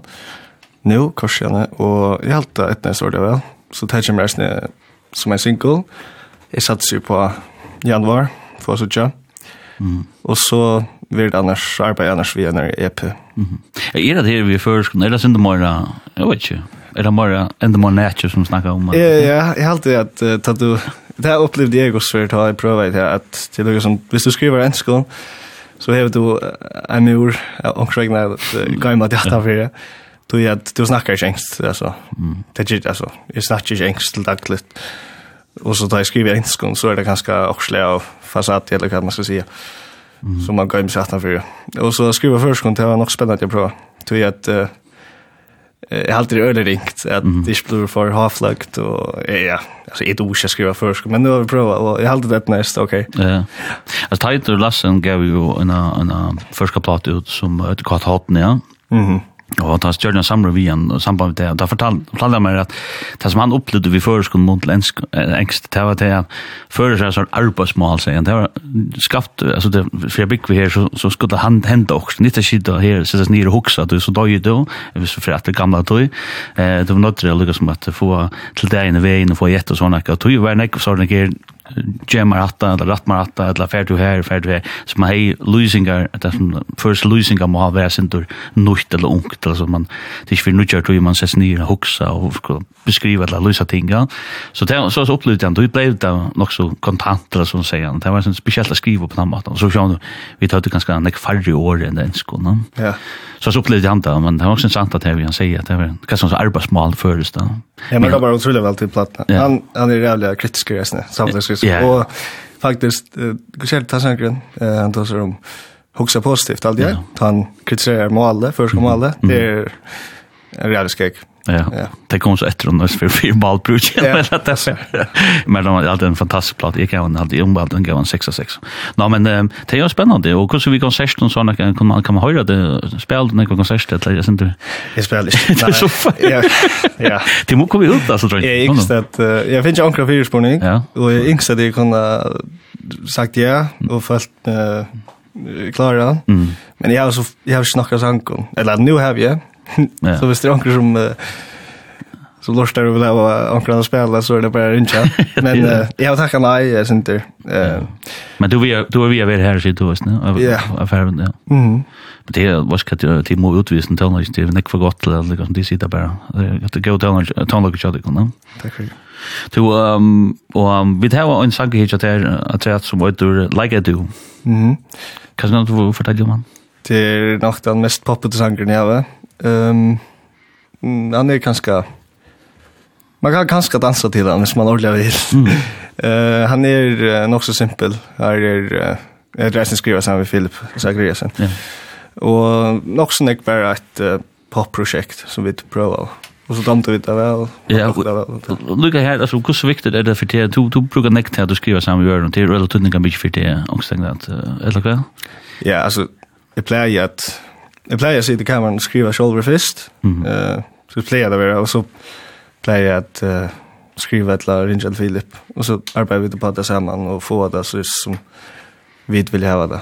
Är det är det för att få alla som har feedback alltså är det short sick på om det som du gör så det ligger här att det går. Ja, jag har ja, Terriers när eller glad jag nekvar vinnen och nek folk som jag kan sända min tonlag till och så kommer det ge feedback eh till ordentligt. Det är viktigt att ja. Mega viktigt. Ja. Hur så där Jonas Langård kunde du just tell mig se det du next shoulder eller hur så. Ja, jeg sier det mest shoulder. Ja. Sitt bare, Men jeg gjør också så det vill jag godt. Men det är vi sparar vi vandrar såna kan bruka det när kan du helt när kan du som Ikke så nej altså, til mest så er det, så er det mest jeg som er producer klassvis. Men men jag noen, tar Jerry bare, shoulder alt. Ja, du du är nämligen producer just ja. Ja. Så du kan göra allt, bara skriva och så upptäcka upp och få det att göra gott sådant. Ja. Jo, ja. Kan det ja tar man att det du skriver brukar då snä det som man säger spara du du du Jonas går till den arbetsin samman så säger ja? Ja 100 ja vi sparar en neck för Max ja eh vi tar när en cha cha Greneron eh och brukar från annan. Och ja Jonas så sägs nu vi vi den neck för niver tas mig just här till eh men akra processen vi vi skriver skrivingene og løvnen, ta takk gjør alt selv. Jeg vet ikke om jeg klarer at, jeg vet ikke om jeg då så vel arbeid vi nok nøren til tannparsten. Man også snakker om det, jeg held at det var, det var visst nok, det var mer i annan gata, som snakker om at det följande er det sindet her vi, at man, man har sånn umynda man skal sitte ansam at lytte sånne, stedet for å få noen omkvar, hvor man kan fære singer-songwriters, skrive sammen sånne, är det något som lite jag tror just där långt nu bara att någonting kan man säga. Eh Jonas. Så arbetssamgör. Ja, så man manglar kanske så att att det är mer bara sätta system man kan ha sån skojer, sangskriver skojer. Ja. Alltså för det inte en maskel kanske sitta inte runt som adler och det är sånt han ojmynten är en sangskrivare. Så nu är vi kan köra musik min namn och det har vi nämligen att sky vi tajta lassen. Eh tagga ölen alltså vet det sort eh kajtla, kajtla det, ett uh, workshop. Ja. Vi har någon, det här sålde ut det och skulle skriva ett läs samman och Ja, det är alltid så där öle gott. Kanske man skulle haft mer av det. Ja, alltså det är nekkur, alltså det är tid det trutcher det och det är nekkur annars, annars så kanske skriva kvar som nej, men man kunde blanda för att skapa sin det var som får sin mer synergi, ja, på själv det. Ja, akkurat. Ja, på en tanke. Men det skulle ta att sanche där. Ehm like I do. Ja. Kan jag kanske se om sanchen? Eh ja, det är sort popprojekt som heter Philip. Um, som, ja, han er rettelig simpel her, ikke så reelle nok til han. Um, og jeg er alltid han er fengende, just for det jeg har det sånn.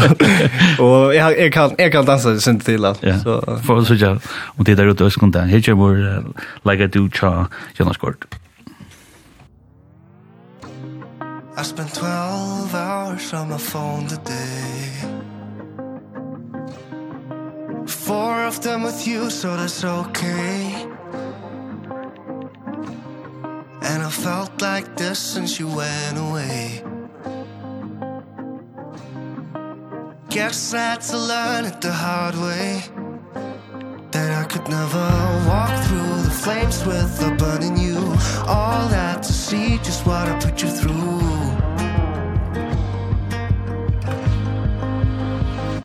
It all went up in smoke.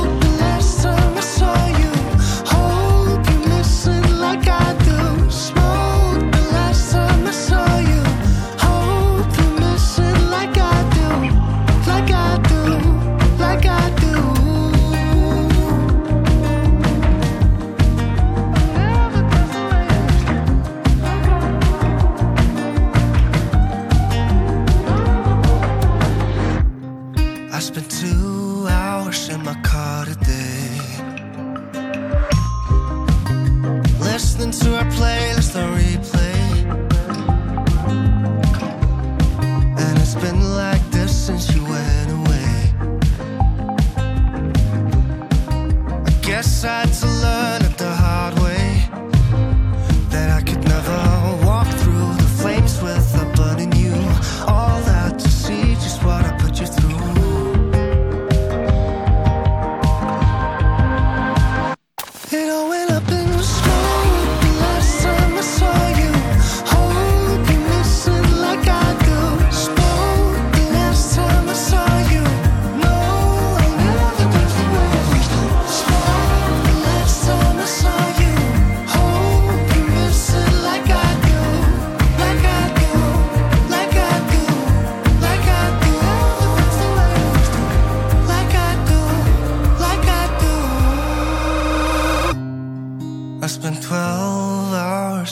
phone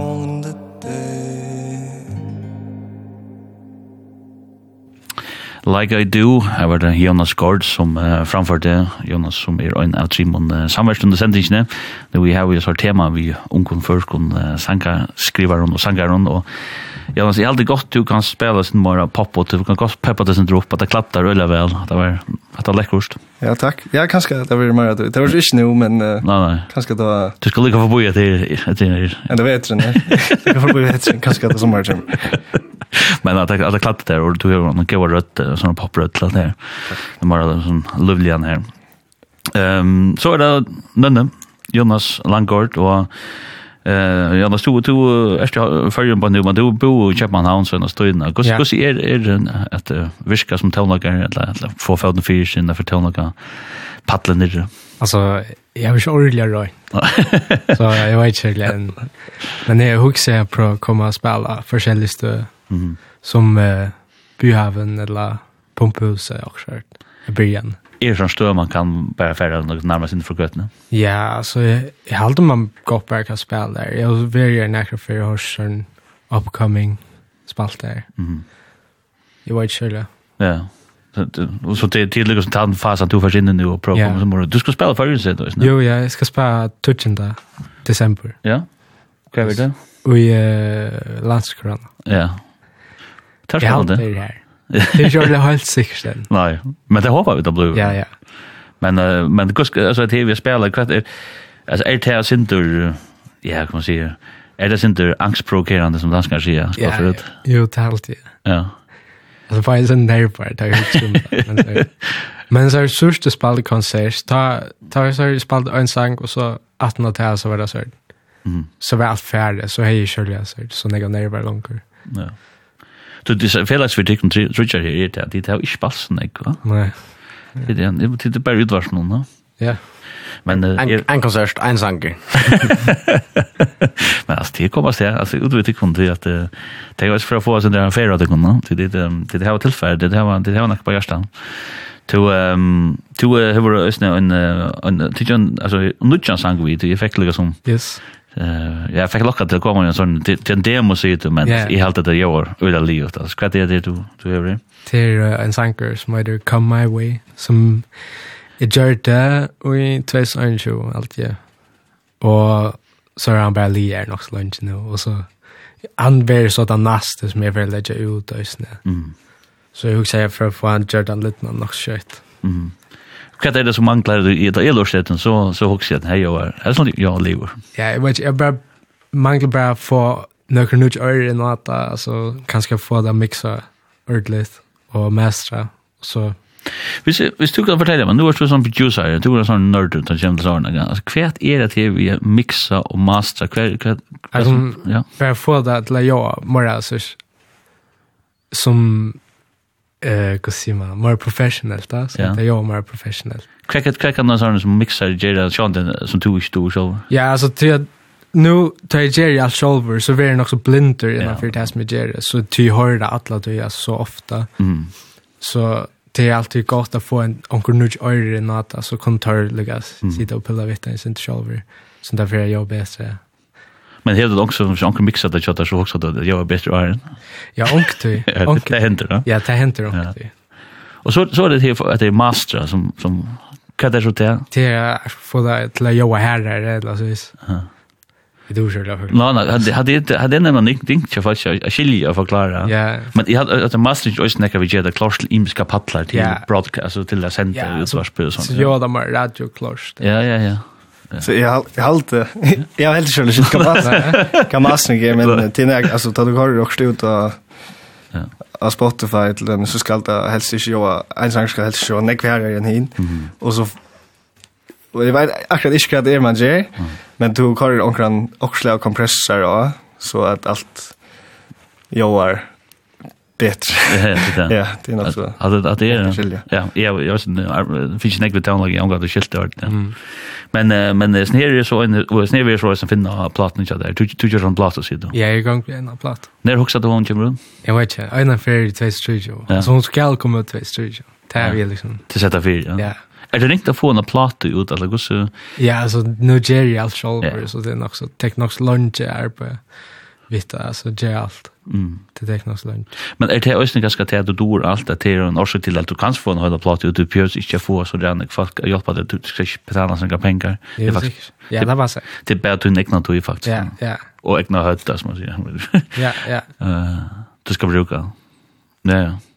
Det är spännande. Mm. Ja, ordentligt. Mega. Du ehm jag hva er det för handler det om. Han handlar om eh alltså is as you see come my way men tills det det syns där till näkran det handlar mer om att stanna fast eller så är det att du ska komma vidare du ska lära förklara så då du. Ja. Ja. Alltså handlar det om att komma vidare eller hur ja alltså man man man ska komma vidare till något nytt. Mm till man bara ständ fast i samma ställe ja. Det det det handlar om. Och det är faktiskt alltså en demon säger, det är inte det vi övar någon sån där. Ja, ja, demons handlar om så. Ja. Du date ni att du till det skaiva men du rönar jag det rätta eller så. Så är det sånn tema tematikk, kan man si. Ja. Ja. Ska bra höra att det är ju och att det er som sagt skal du gjøre vars det er måste där men. Yes. Jag hade ju över väl.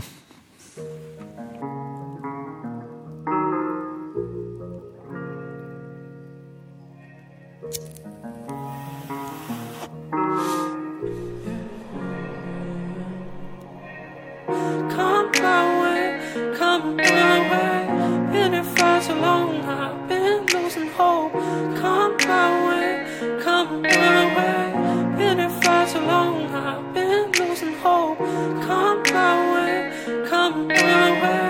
Been here far too long I've been losing hope. Come my way, come my way. Been here far too long I've been losing hope. We both been stuck for so long. Nowhere near the end of the run. Trust. No one, no one, no one. There's no one, no one, no one. So just come my way. There's no need to be falling alone. So just come my way. There's no need to be falling alone. And I know you'll stay. Cause I won't make me your home. And I know you wanna be there To the end of the run.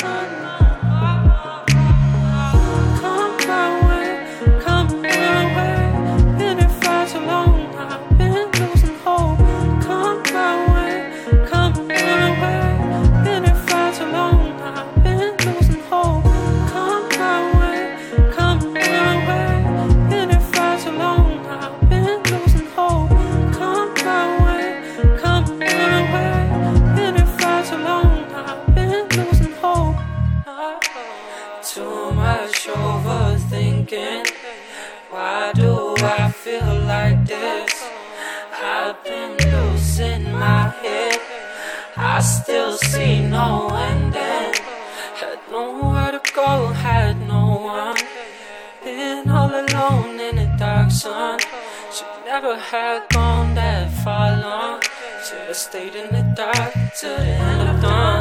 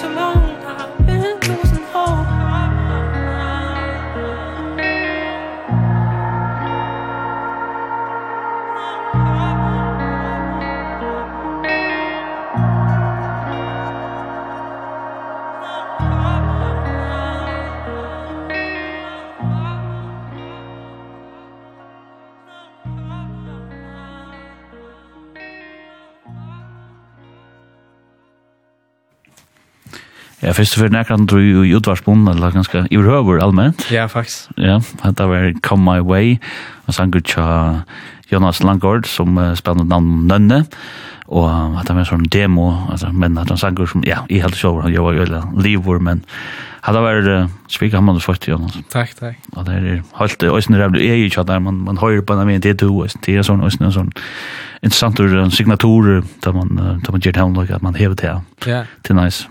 Ehm öle gott.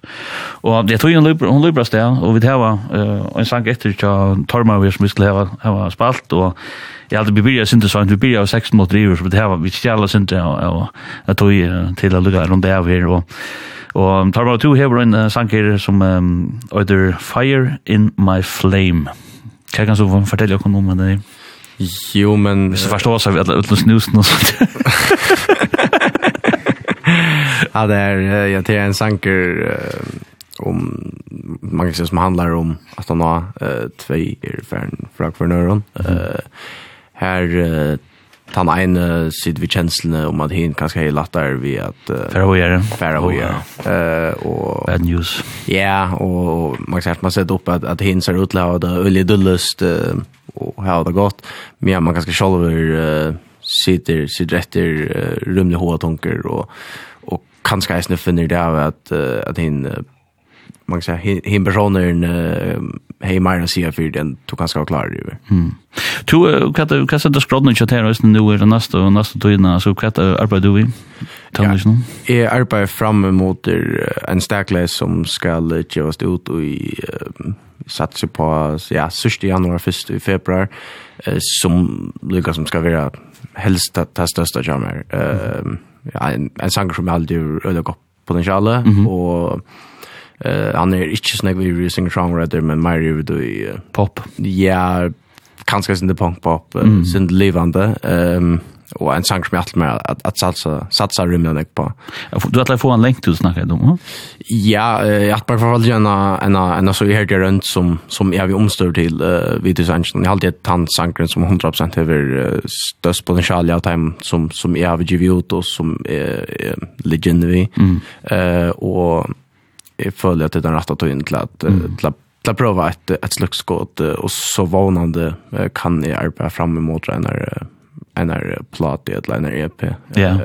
Det också var det ska ganska vara jämbrottet till att komma till ska du göra. Vånande. Eh man ska till öliga ta det kemidelslukt som som Per arbetar utan och och och allt här uh, till till rymliga man man ska till OJBS och till underground till för att det som man kommer vi i några som till la som vinnande ett lapp etter et eller annet, i behøver nekka som folk tøymer lust etter.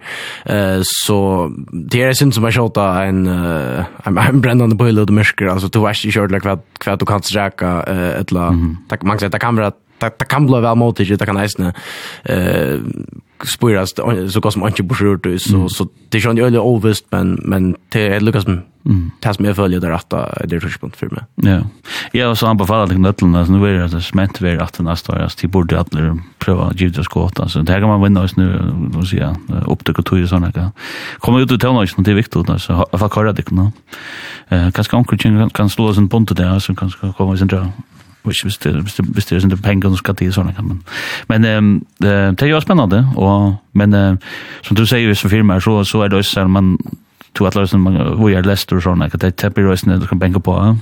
Ja, ja allt mer flyr ner mm. att någon sommar eh och ta vidare. Jag alt mer halda fram vi at vi at vi har gjort online og og få tonlines nu att hållast omstundar vera vera lika tacksamma som det har varit nu att Jag har haft Jonas man säga han har glad fram här och Karin till Benjamin. Ja. Hållast att tanke kan inte länge på att arbeta kvar för minuter så där öliga lite i mån till kadaver man tar flera land någon.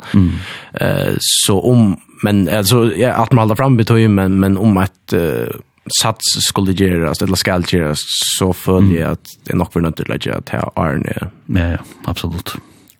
Men uh, men uh, man halt fast och ja, men det har den här sangen här som där som heter Fire in my flame och ja, han gör så snyggt.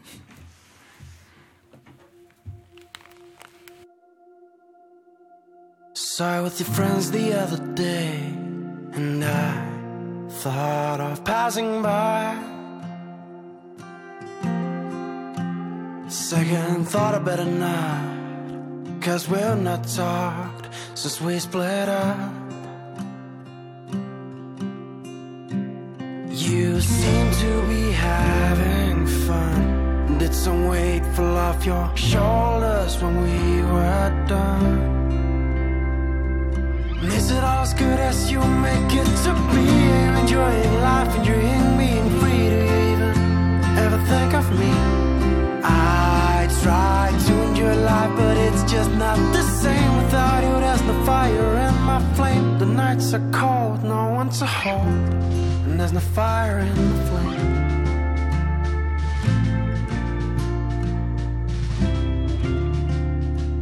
The moon is hanging lonely tonight And so am I.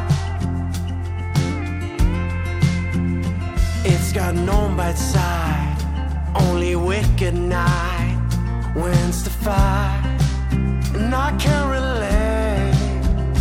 At first I thought I'd be fine. Some time has passed and still I can't get you off my mind. And is it all as good as you make it to be? And your life.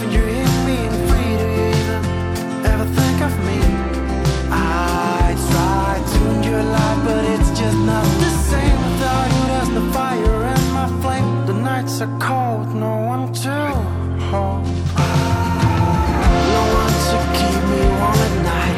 No one to sure I'll be all right when I'm in darkness.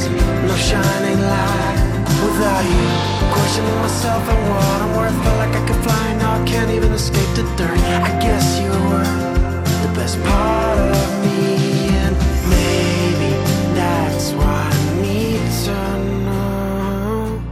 Is it all as good as you make it to be?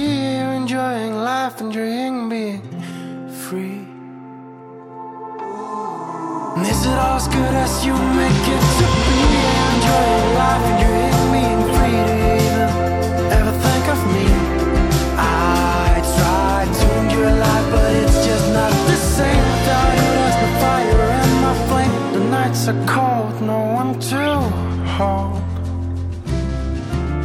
and there's no fire in the flame.